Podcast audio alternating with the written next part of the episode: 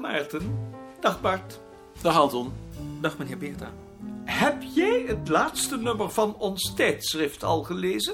Het ligt hier. Lees dat dan eerst even. Ik wil graag je oordeel. Je zult niet weten wat je ziet.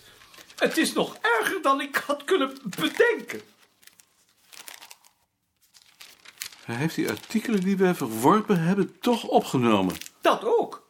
Maar dat konden we verwachten. Ik bedoel dat artikel van Pieter zelf. Dat komt toch niet Wacht, te pas? Wacht even. Bijgevoegde vragenlijst heb ik zojuist verspreid in geheel Europa. Verwacht antwoorden terug in september. Resultaten zullen in de vorm van een verspreidingskaart in het jaar daarna worden geëxposeerd. Daarmee laat hij mij toch een figuur slaan. Op de laatste redactievergadering heeft hij zoiets aangekondigd. Wanneer was dat dan? Onder de maaltijd, als ik me niet vergis.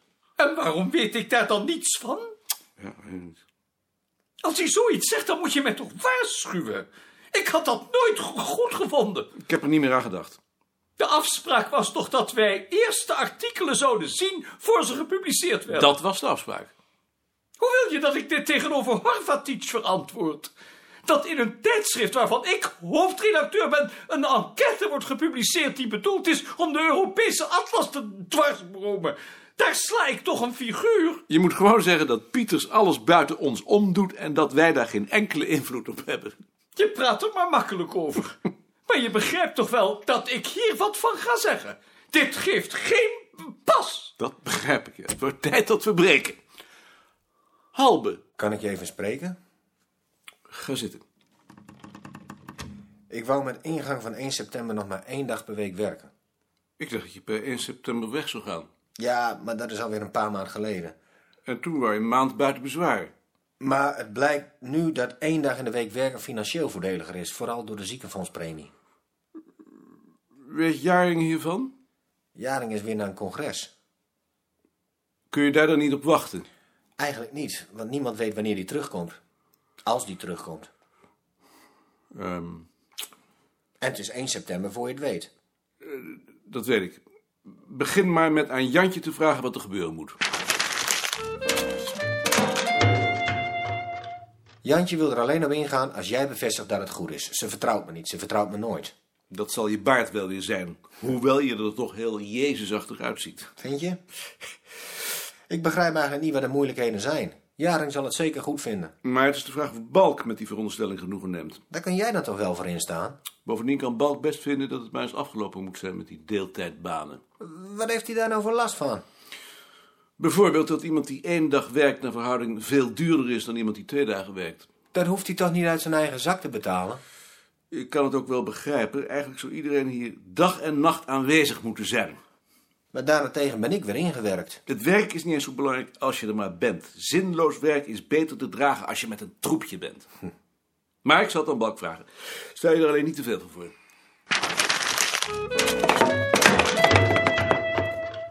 Doe dat dan maar zo. En kijk hier ook nog even naar. We zullen daarop moeten antwoorden. Jaap, heb je even tijd? Dag Jantje. Wat is er? Tromp vraagt of hij per 1 september 1 in plaats van twee dagen mag gaan werken. Is dat serieus? Ik dacht van wel. Dan moet dat maar. Wat voor stappen moeten er dan genomen worden? Hij moet een brief schrijven. Er is niets aan te doen. Maak daar dus een overzicht van. Die vergadering is vrijdag.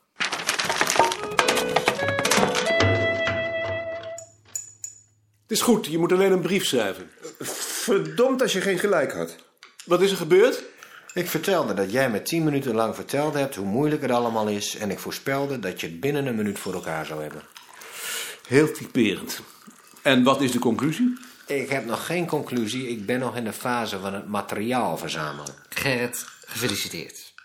Eh, Met, eh, wat is het eigenlijk? Gefeliciteerd, jongen. Heb je goed gedaan. Is er een kind geboren? Bekenkamp. De schuit met muisjes.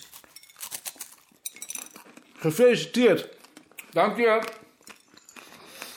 Hoeveelste kind is dit? Bij mijn vrouw bedoelt u. Het vijfde. Hoe zwaar? Vijf pond. Vijf pond. Dat is niet veel. Maar ik vertel net dat het kind een maand te vroeg is geboren. Omdat mijn vrouw erbij was toen een buurvrouw op de negende verdieping van het balkon sprong. Dat is ook toevallig. Dat is niet zo toevallig. Dat gebeurt regelmatig. Ik steek tenminste altijd even mijn hand uit als ik mijn huis uitkom. Dat iemand dat kan. Ik moet er niet aan denken. Het is net als bij parachutespringen. Alleen is de vrije val wat korter. En de parachute gaat niet open. Zolang je in de lucht bent, speelt dat geen rol. Ik heb verschillende keren een vrije val van 3000 meter gemaakt. Nooit gedacht aan de mogelijkheid dat die parachute niet open zou gaan. Daar denk je niet aan. Spring je parachute? Regelmatig. Dat is toevallig een hobby van me. Toch vraag je je af wat zo'n vrouw daarbij denkt. Deze dag niks. Die kwam thuis van boodschappen doen. Zette de tas bij de deur. Liep zo door naar het balkon en hup, eroverheen. Die heeft niet eens de tijd genomen om van onderen te roepen. En daar was je vrouw bij? Die keek toevallig uit het raam. En dat zou zo erg nog niet zijn geweest. Want die vrouw bleef doodstil liggen.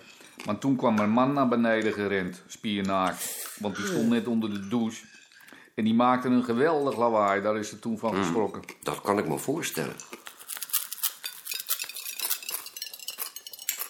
Ik heb de brief aan Pieters op je bureau gelegd. Zou je die even willen lezen en mij zeggen wat je ervan vindt?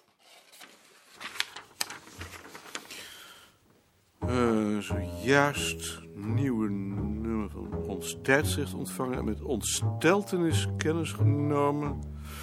Een artikel waarin je melding maakt van de op jouw initiatief ingestelde Europese enquête naar trouwring. Niet zozeer, van- niet zozeer vanwege het onderwerp zelf, want ook het bestuur van de Europese Atlas had plannen voor een dergelijke enquête, maar omdat je tegen de afspraak in verzuimd hebt mij van je voornemen op de hoogte te stellen. Dat grieft mij des te meer, omdat de lezers ongetwijfeld zullen veronderstellen dat ik als mederedacteur van ons tijdschrift met dit initiatief akkoord ben gegaan. Als lid van het bestuur van de Europese Atlas daardoor in een scheve positie gebracht ben, nu wel gedwongen om mijn mederedacteur tegenover de andere bestuursleden te desavoueren, ervaar het als uitermate onverkwikkelijk vraag mij daarom af hoe in de toekomst dergelijke onaangename verrassingen kunnen vermijden. Nodig je uit daarover nog eens na te denken. Eh, ik zou er in ieder geval nog eens duidelijk bij zeggen dat je zijn recht om zo'n enquête te houden niet betwist. Je moet voorkomen dat hij zich daarachter kan verschuilen. Kun je dat dan niet even dicteren? Nee, het is jouw brief. Ik zou zo'n brief heel anders schrijven. Een zin van mij zou daar meteen tussen uitvallen. Maar met de inhoud ben je het toch wel eens? Ja, maar ik zou hem geschreven hebben dat de maat hiermee vol was. Dat kan natuurlijk niet. Daar is geen sprake van. Daarom. Dan moet je zo'n brief schrijven. En je kunt ook niet even in het kort zeggen wat erin moet staan. Er moet instaan dat je zijn recht om zo'n enquête te houden niet betwist. Dan zal ik het zelf wel doen. Daar heb ik natuurlijk niets aan.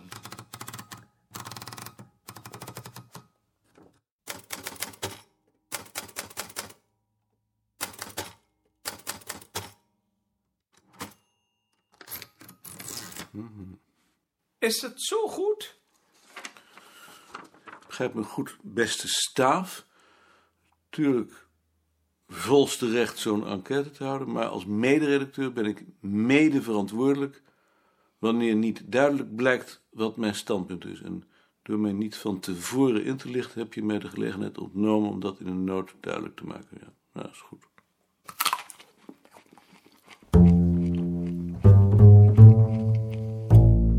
Ja, ik moest toch in het museum voor de tropen zijn voor mijn boek over de Bayang-poppen. En ik dacht, laat ik ook even bij jullie langs gaan. We hebben elkaar al zo lang niet gezien. Wanneer begint je college weer? Eind volgende maand. Dan zijn koning en ik in Hongarije. Toch niet voor die atlas van jullie. Waar zouden we anders voor gaan? Zonder die atlas zou ons leven geen zin hebben. Nou, dan heb ik van jullie leven geen hoge pet op, zoals ze tegenwoordig zeggen. Hoe gaat het anders? Ik heb het druk. Ik heb je uitnodiging ontvangen. Nou, ik zal er niet bij kunnen zijn. Ik ben dan in Bratislava voor de Internationale Museumcommissie. Over zin gesproken. Dat heeft ook zin. Nou, niet alleen dat het zin heeft, maar het is ook een stel bijzonder aardige mensen. Aardigste groep die ik ken eigenlijk. Dat is jammer dat je niet komt. Ik had op je gerekend. Nou, ik vind het ook jammer. Niet omdat ik nou zo bijzonder gesteld ben op dat soort feesten.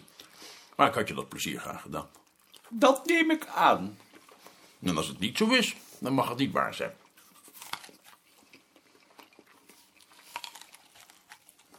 Je hebt gehoord dat Kipperman onder behandeling is van een psychiater? Nee. Ik had hem toevallig aan de telefoon. Dan begrijp ik het. Nou, ik begrijp het niet. Of liever, ik begrijp niet dat hij al niet veel eerder bij een psychiater terecht is gekomen. Nee, dan begrijp ik dat hij mij ontloopt. Ik begreep al niet wat daarachter stak. Maar nu je vertelt dat hij een psychiater bezoekt, begin ik het te begrijpen. Nou, ik zie niet in waarom dat een reden zou zijn om jou te ontlopen. Ja, dat kan een reden zijn. Het is goed dat je me dat zegt, want ik had hem juist om een onderhoud willen vragen. Daar kan ik nu natuurlijk beter van afzien, maar het v- verklaart veel. Ik wist niet dat jullie elkaar zo goed kenden. Dat lijkt me nou toch niet iemand om zo verschrikkelijk bevriend mee te zijn. Ik ken Kipperman al vanaf dat hij een jonge jongen was. Toen is hij een keer bij me geweest voor inlichtingen over volkscultuur.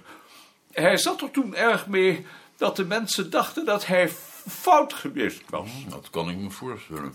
Wist jij dat? Dat hij fout geweest is, wist ik.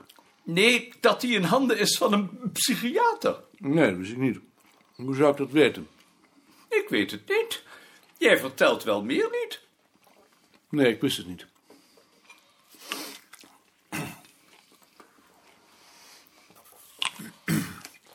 Ik hoorde onlangs toevallig op de radio een vraaggesprek met Ravelli.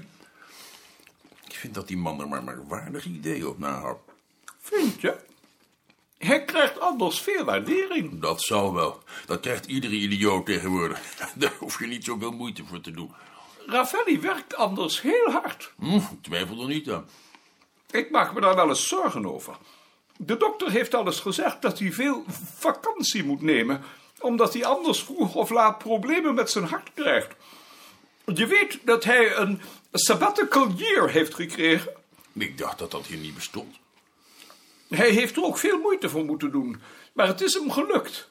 Hij heeft van het departement een toelage gekregen om een jaar in de Pauwhof te zitten en daar een boek te schrijven. Dat zou ik nou maar niet geaccepteerd hebben. Nee? Ja, ik vind het eerlijk gezegd nogal asociaal. Dat begrijp ik niet.